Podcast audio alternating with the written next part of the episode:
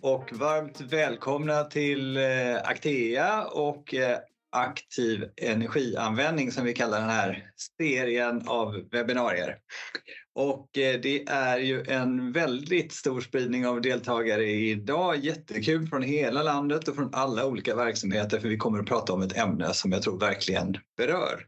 Och eh, som ni vet så är det snabba kast. Sist så var Eh, Eh, Castellum här. Vi pratar om energieffektiva kontor ihop med Johan Selin och Peter Karlsson från Actea. Vad man, ehm, eh, vad, hur man vet att ett kontor är effektivt eller vad är definitionen av ett effektivt kontor och hur kan man göra det effektivt. Och eh, missade ni det avsnittet så finns det på Spotify eller andra poddsändningar ihop med våra andra inspelningar som vi gör. Eh, men idag är det ett annat ämne för vi ska prata fjärrvärmepriser och, eh, ehm, och hur det påverkar fastighetsägare. Och Nils Holgersson-rapporten eh, kommer ju med regelbundenhet och kom för en månad sedan ungefär. Ehm, en lite dyster läsning med stora prisökningar i hela landet. Fjärrvärmen steg med 7,8 procent sedan 2022 och det tror jag man ser runt om i landet. Här i Stockholm, Stockholm Exergi som meddelat prishöjning 12 procent. Eh, ja, och frågan vi ställer oss är ju naturligtvis hur kommer det sig att priserna stiger så här mycket och hur påverkar det fastighetsägare? Och kanske ännu mer, ja vad kan man då göra åt det? Så då vill vi prata med specialister på ämnet naturligtvis och vi har med oss eh, Johan Weidmark från eh, Fastighetsägarna i Stockholm. Eh, och du har jobbat på Fastighetsägarna i Stockholm ungefär fem år med bakgrund inom Newsec och Core så du kan den här branschen även sen innan ju. Mm. mm. Och sen har vi Robert, eh, Robert Kucklin härifrån Actea, energikonsult och ni har träffat honom innan i de här sammanhangen när vi mm. energipriser. Och sen har vi en grupp till naturligtvis som är er i publiken och jag har en dator framför mig med chatten. Skriv gärna där så lyfter jag in eh, ämnen allt eftersom eller frågeställningar allt eftersom. Och så ska jag säga att detta är bara generella råd. Vi känner ju inte er verksamhet och kan inte ge konkreta råd som ni kan tillämpa i vardagen i den här sändningen. Sista grejen. Jag heter Stefan Lindsköld och är VD här på Actea. Och det var det sista jag ska säga som inledning för nu ska vi dyka in i ämnet, eller hur? Ja, nu kör vi! Ja du Johan, låt oss börja där vi ska börja. Fjärrvärmepriserna 7,8 procent mm. upp sen förra året. Stockholm Exergi höjer med 12 procent från årsskiftet. Mm. Varför? Eh, när man tittar på eh, det här med prissättning för fjärrvärme så är det väldigt viktigt att komma ihåg att det här är lokala monopol där priset sätts av monopolaktören. Och beroende på vilken eh, monopolaktör det är så använder man en, oftast en av två olika prissättningsmodeller där man antingen tittar på vad är mina kostnader som leverantör och ökar dem så vill man också öka priset ut till kund, till fastighetsägare. Och den andra modellen det handlar om att man eh, tillämpar vad man kallar en värdebaserad prissättning eller en alternativ prissättning. Så man tittar på vad kostar alternativet. Mm.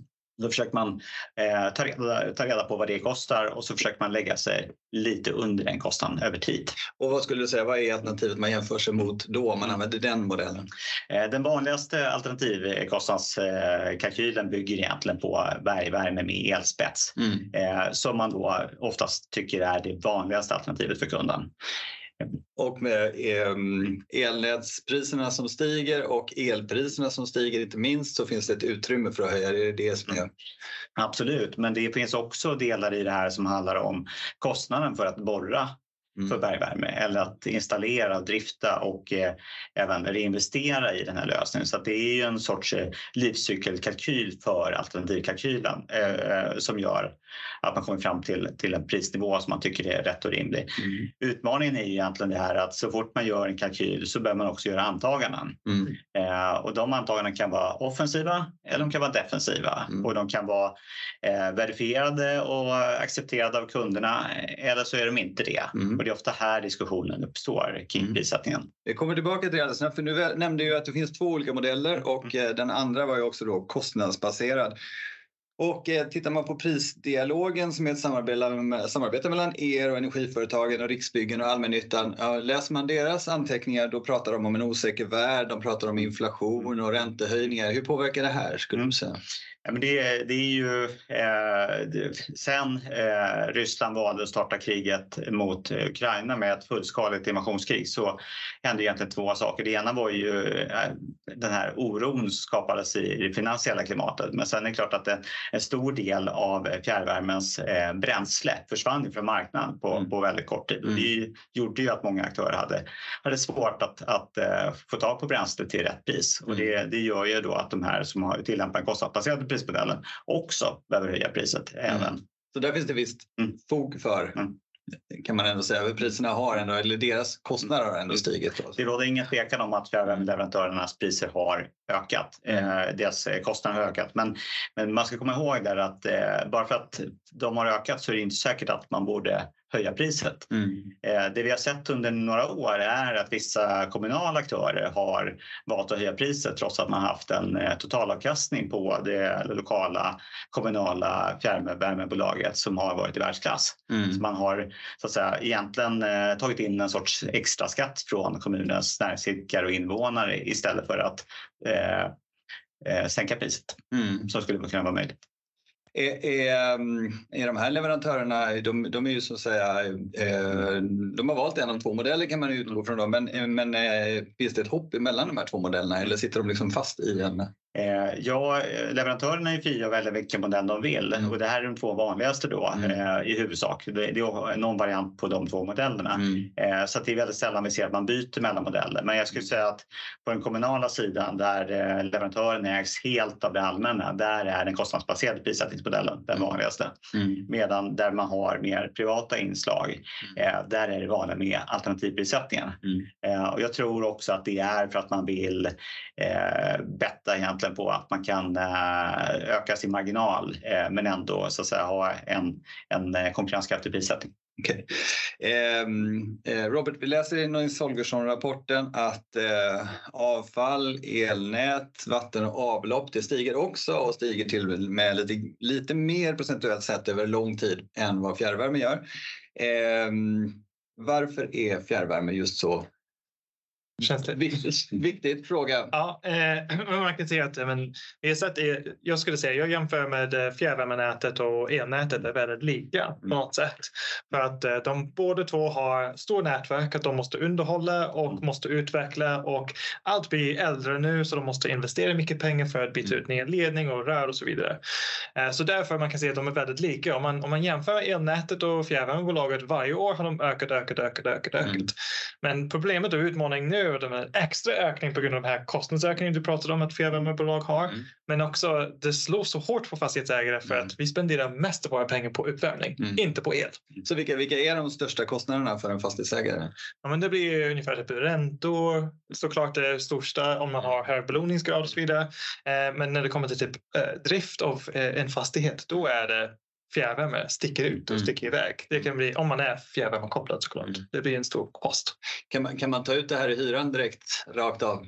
Eh, ja, det beror ju på. Eh, för en eh, kommersiell fastighetsägare som har hyresavtal gentemot till exempel kontorshyresgäster där man ofta kopplar hyresavtalet mot KPI, alltså man räknar upp det med, med KPI-indexjusteringen, då har man ju ett visst skydd mm. för det här.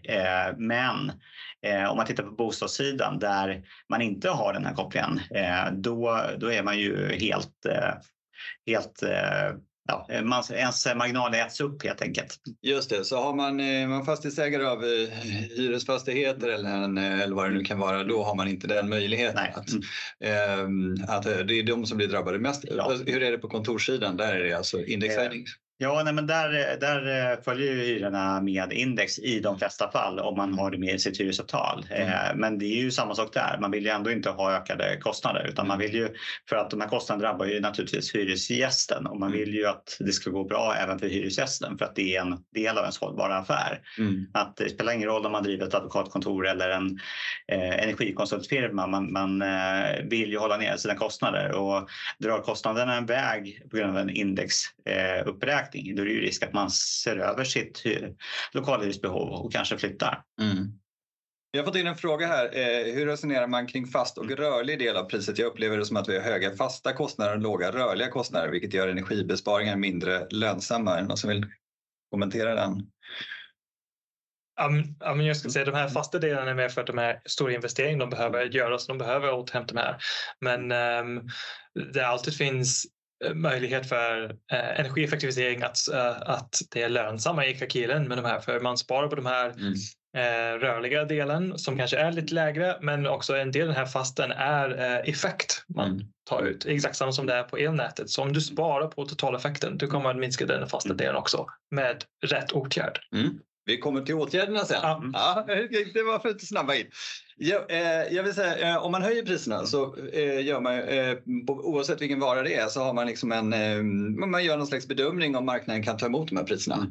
Och det ser vi på el och vi ser på fjärrvärme. Känner ni att det finns en, liksom en, finns det en större acceptans för högre energipriser i samhället nu? Eh, finns det en sån? Eh, jag tror att den stora skillnaden eh, på förra året och årets prisdialoger var ju det att förra året så var alla, kom precis ut ur, eh, ur pandemin och så drabbades vi av det här kriget och känslan var att alla ville hjälpas åt och, och man förstod att det här var något tillfälligt som hände. I år så tycker ju alla att, att leverantören borde haft möjlighet att anpassa sig till de nya förutsättningarna. Mm. Plus att vi har haft väldigt många räntehöjningar senaste året som gör att man har en kostnadskris. Mm. Eh, man får ju, som vi var inne på innan, inte bara höjda driftkostnader utan man får också väldigt höjda kapitalkostnader. Eh, då kombinerat med att man inte kan ta ut det här gentemot sin slutkund, hyresgästen, mm. så, eh, så blir det inga pengar kvar. Mm. Och det är klart att det är inte en hållbar affärsmodell. Mm. mm. Så driftnettot minskar och, och modellen pressar ja. helt enkelt. Mm. Okay. Och sen om jag tillägger så, ja, jag, jag tänker också med, med ränteökning och så. Mm. Det betyder hur mycket pengar har man för mm. typ, att göra projekt? Mm. Det är en utmaning för många fastighetsägare. Kan man göra de här energieffektiviseringsprojekten? Mm. Och vad vi sett i vissa fallet att räntorna har ökat så mycket mm. men och pri, energipriserna har ökat men inte lika snabbt mm. som räntekostnaderna. Så det går inte att justifiera energieffektiviseringsprojekt. Så jag tror det är några som sitter och säger att vi måste bara hantera och ta de här prisökning.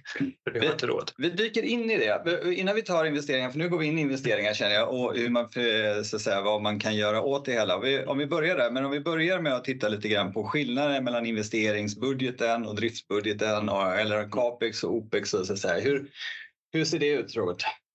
hos en fastighetsägare?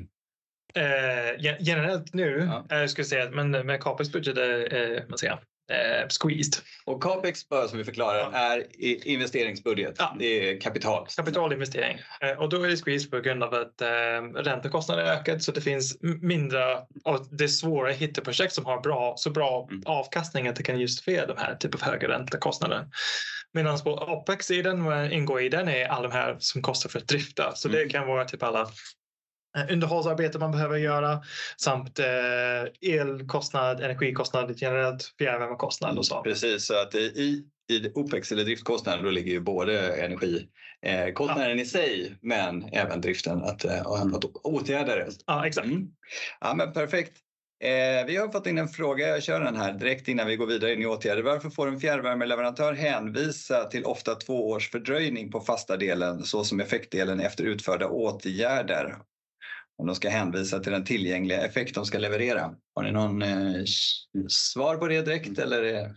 Nej, vi kan väl, kan ja. säga att det, Eh, en utmaning eh, med fjärrvärmen är ju att det är lokala monopol och det innebär att det skiljer sig mellan regioner och att det finns väldigt många olika typer av prislistor och prismodeller eh, för de här leverantörerna som gör att det, det är inte alltid helt självklart vad man ska göra eller vad man ska fokusera på för att boosta sin affär och, förbättra sitt uttag av energi. Mm. Mm.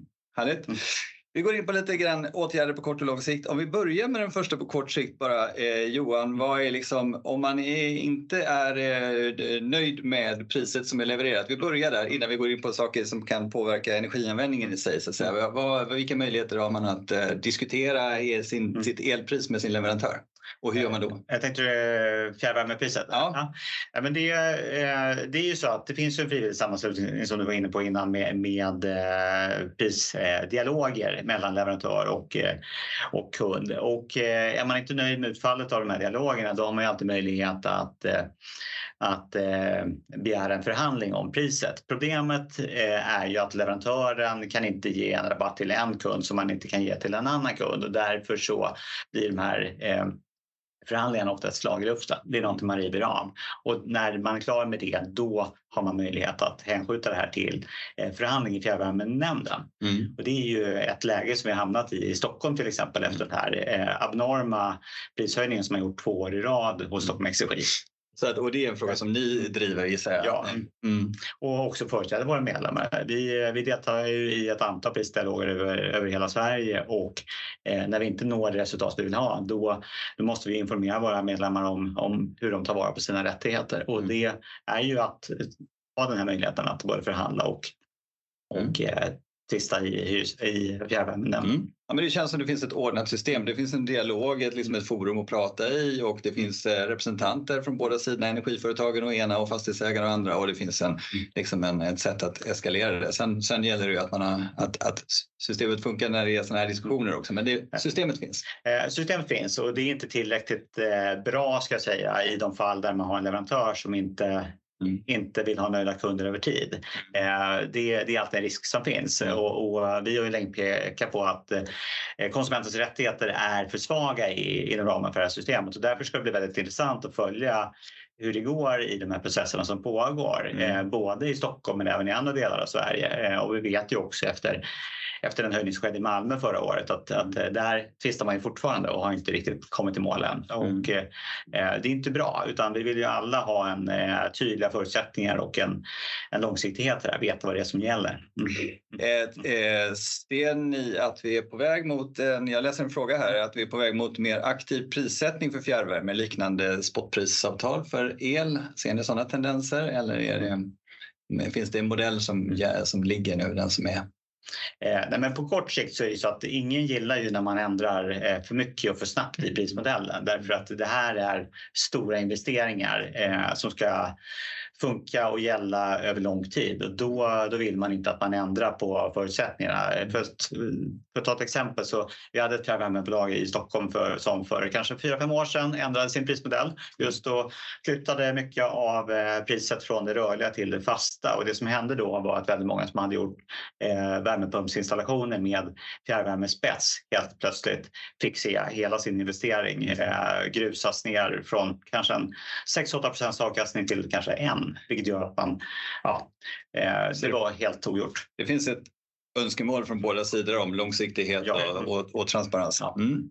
Yes, vi dyker in lite grann eh, tekniska åtgärder egentligen då. och om vi tar, eh, börjar med kort sikt och det kanske är då, ja, men precis, driftkostnader eller investeringskostnader kan ju vara olika men, så att säga, men på kort sikt nu när man står i det här Eh, vad skulle du säga Robert att man ska ja, den, göra då? Den snabbaste är att eh, sänka temperaturen. Ja, såklart. Ja. Eh, eh, som vi pratade om förra också när det var elpriskrisen och de som har värmepumpar där vi mycket pratar om att mm. sänka, sänka temperaturen inomhus. Mm. Eh, andra grejer man kan göra kort eh, är att maxbegränsa typ termostater på, på radiatorer så att inte alla vrider upp till max hela tiden på allt. Ehm, en annan förslag är att också kolla över hur man styrar värmesystem. Eh, och det kan vara en ganska snabbt eh, att göra någon typ av investering nu. Mm. För många fastigheter fortfarande drivs av typ utomhusgivare och hur temperaturen är ute. Mm. Eh, och vi ser under våren, det betyder att ett fastighet använder för mycket energi och för mycket värme. För det, det är fortfarande ganska kallt ute men ganska varmt inne. Så om man byter mer till en inomhusgivare som man kan känna av huset, hur känns det verkligen? Var är temperaturen inne, då kan man bromsa den här slöseri i värmen och då kan man hitta en besparing. Så det skulle vara en tips just nu att försöka se över styrning idag. så att man kan ha en besparing från typ mm. vår. Mm och lite mer aktiv styrning och lite smartare styrning. Exakt, och jobba med den här värmekurvan och verkligen jobba med den för att optimera och, och också med den här typen av styrning och sen eh, givare eh, över hela huset kan man se, okej, okay, har vi en jämnt fördelning av värme över hela huset eller finns det en obalans i systemet och då är det kanske dags för att göra en typ av injustering och då får man uppnå ännu högre besparingar. Mm. Men en, men en kombination av bra styrning och injustering och optimerat system man kan nå typ 10 till 15 procent. Mm. I Ja, värmen. Spännande. Och du, när du säger sänka, sänka temperaturen, alltså det handlar ju om ett aktivt arbete med, med eh, som fastighetsägare som precis vilken annan produktion som helst så måste man säkerställa hög kvalitet i den produkt man levererar. Så Ja. finns det, en, eh, det finns ju eh, bra indikatorer på vilken inomhusklimat som är bäst och liksom, Ja, eh, exakt. bra, bra siffror på det, att man försöker hålla sig vid dem och Ja, inte precis. springa iväg. Om man kan tänka i allmänna ytor, typ, eh, typ en entré eller något sånt, Mm. behöver man typ 22 grader, Mm. 21-22 grader? Nej, det går att sänka den lite grann. Mm. Eh, Mm. så vidare. Här skulle jag också vilja slå ett slag för att man involverar eh, människorna som använder eh, de här ytorna. Mm. Eh, för att då får man ju också en möjlighet att få eh, inte bara en besparing utan också en ökad acceptans för den. Mm. För det, det är klart att det finns, eh, finns regler för hur kallt det får vara men, men eh, om man har den här dialogen igång så kan man också påverka folks beteenden. En bra diskussion som engagerar hyresgästerna. Då. Mm. Perfekt. I, ehm, eh, om man kommer in på lite grann investeringar, eh, lite mer långsiktiga grejer, man kanske inte gör dem just nu, men om man kan göra det långsiktigt, Mm. vad eh, skulle man göra då för värmen? Ja, så eh, ett sätt man kan tänka är att eh, börja tänka, se över klimatskador för huset. Mm. Eh, Så hur är det med fönstret? Hur är det med eh, tilläggsisolering och fasaden och taket och så vidare och Mm. vinden? Eh, vilken skick är allt i? Eh, det kan vara en ganska stor investering och oftast kan inte eh, så bra avkastning med bara energibesparing men en bättre inomhusklimat är Mm. någonting eh, väldigt värdefullt för många. Mm. Eh, så det är ganska tung, stora investeringar man kan prata om. Eh, Igen, injustering efter, att göra injustering efter uppvärmningssäsong eller innan det börjar igen. Ehm, man kan också börja se över vilken typ av uppvärmningssystem man har. Eh, också. Jag skulle fortfarande föreslå att fjärrvärme är bäst tekniska lösning men såklart det är några som kanske vill se över om man byter över till värmepump ehm, eller kanske har um, värmeåtervinning på frånluften och så Mm. och har någon typ av eh, frånluftsvärmepump. Mm. Det kan också vara ett sätt. Det finns många olika sätt att göra och ehm, vad, eh, vad heter det om man då går in i, jag ska ta, det kommer en fråga här om värmepumpsinstallation med fjärrvärmespets och ehm, jag ska se om, eh, om man kan ha fjärrvärme i bas och värmepump som spets när elen är billig så blir det generellt en bättre ekonomi, åtminstone i kraftvärmebaserade fjärrvärmenät. Okej, vi tar det som en kommentar och, lä- och lämnar den där men då har ni och kan läsa Theodors eh, inlägg där. Eh, vi går in i, i eh, drift för att ehm, eh, vad kan man göra liksom mer på lång sikt för att sänka energianvändningen i sin drift? Ja, men det, jag ska säga, vi, vi satt här nu typ två år i rad. Mm. Förra året var jag här och vi pratade om elpris och spotpriset och hur sjukt stycket iväg och det var panik och vilken åtgärder kan man göra snabbt. Och då hade vi en bra diskussion om vilken åtgärder man kan göra snabbt och sen också långsiktigt. Mm. Och det känner jag att vi är här igen. Mm. Eh, det är mycket bättre att vi kunna säga okej, jobba aktivt och långsiktigt med energiarbetet. Mm. Systematiskt från dag ett. Om man har, bygger upp en systematiskt energiarbete, man eh, skapar en kultur i sin organisation med en fastighetsägare eller förvaltare att säga okej, vi sparar energi varje dag. Mm. Och hur man går ut och hur man agerar och hur man engagerar sina hyresgäster och andra. Hur man kan sänka energi hela tiden. Mm. Då bygger man upp en helt kultur. Om man har ordentligt uppföljning på hur använder vi energi i vårt bolag och i våra fastigheter. Hur kan vi alltid hitta lösningar och åtgärder för att sänka den dag för dag. Mm. Då kommer man igenom de här kriserna och säger men ja, det är okej, vi kan hantera det för vi har ett systematiskt arbete och inte få det här panikslag varje gång.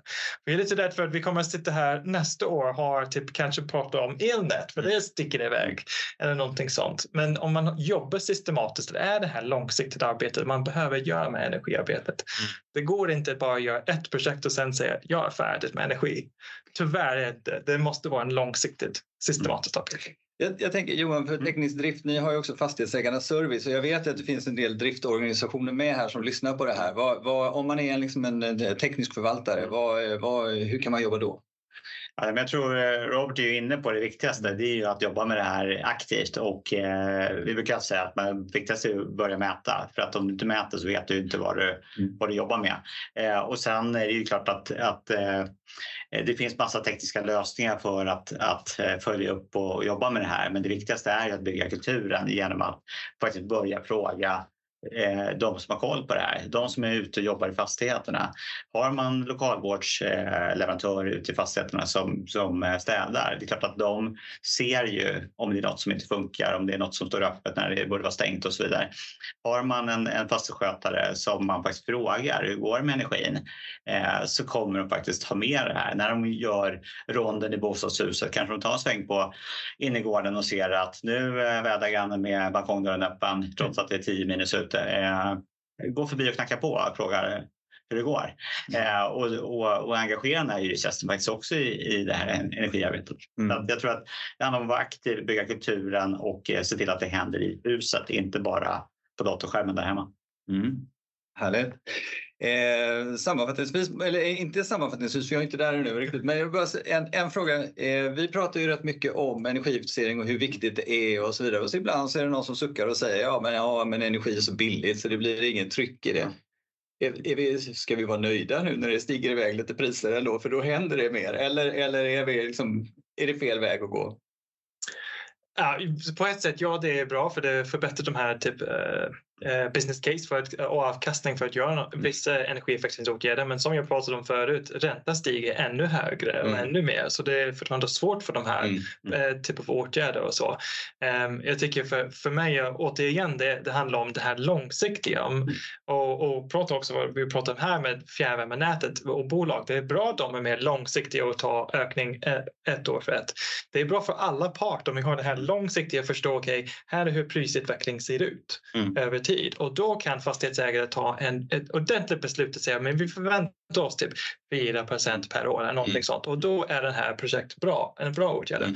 Men då om vi hamnar i det här hela eh, panikfas mm. varje gång. Då man undviker att göra åtgärder. Mm. Vi såg den för, förra året när det kom till EU-priset. Man vill bara göra något snabbt projekt men ingenting långsiktigt. Mm. Och det är helt fel också. Att sänka temperaturen en grad nu, de kommer att höja temperaturen igen mm. när de känner att krisen är över. Och det känns helt fel. Mm. Vill du kommentera?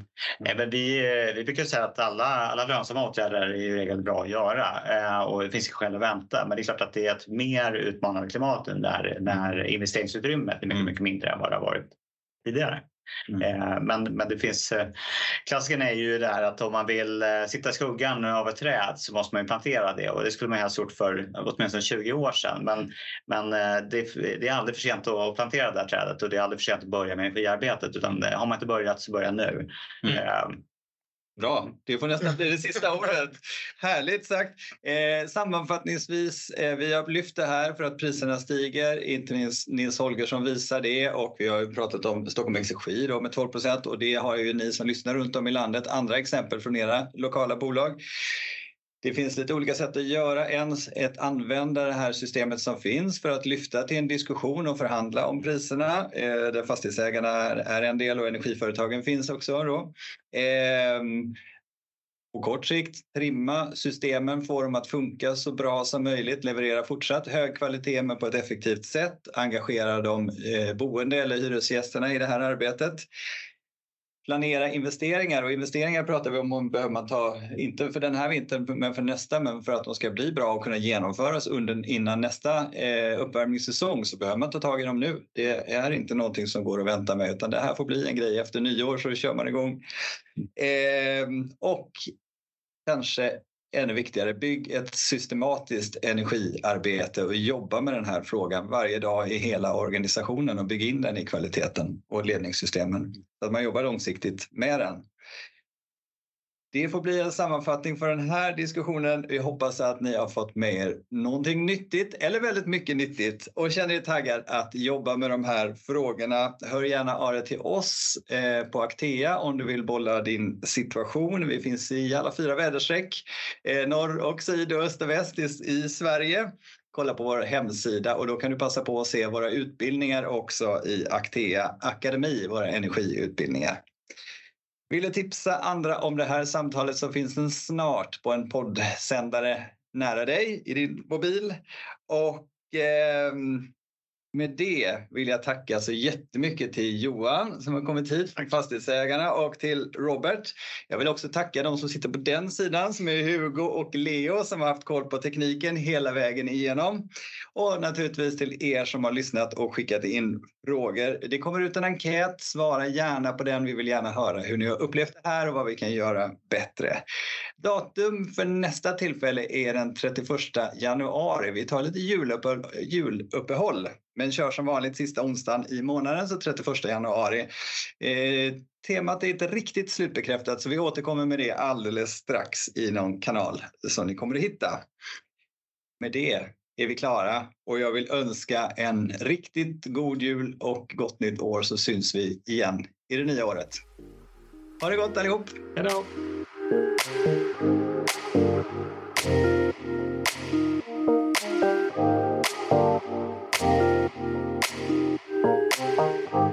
Música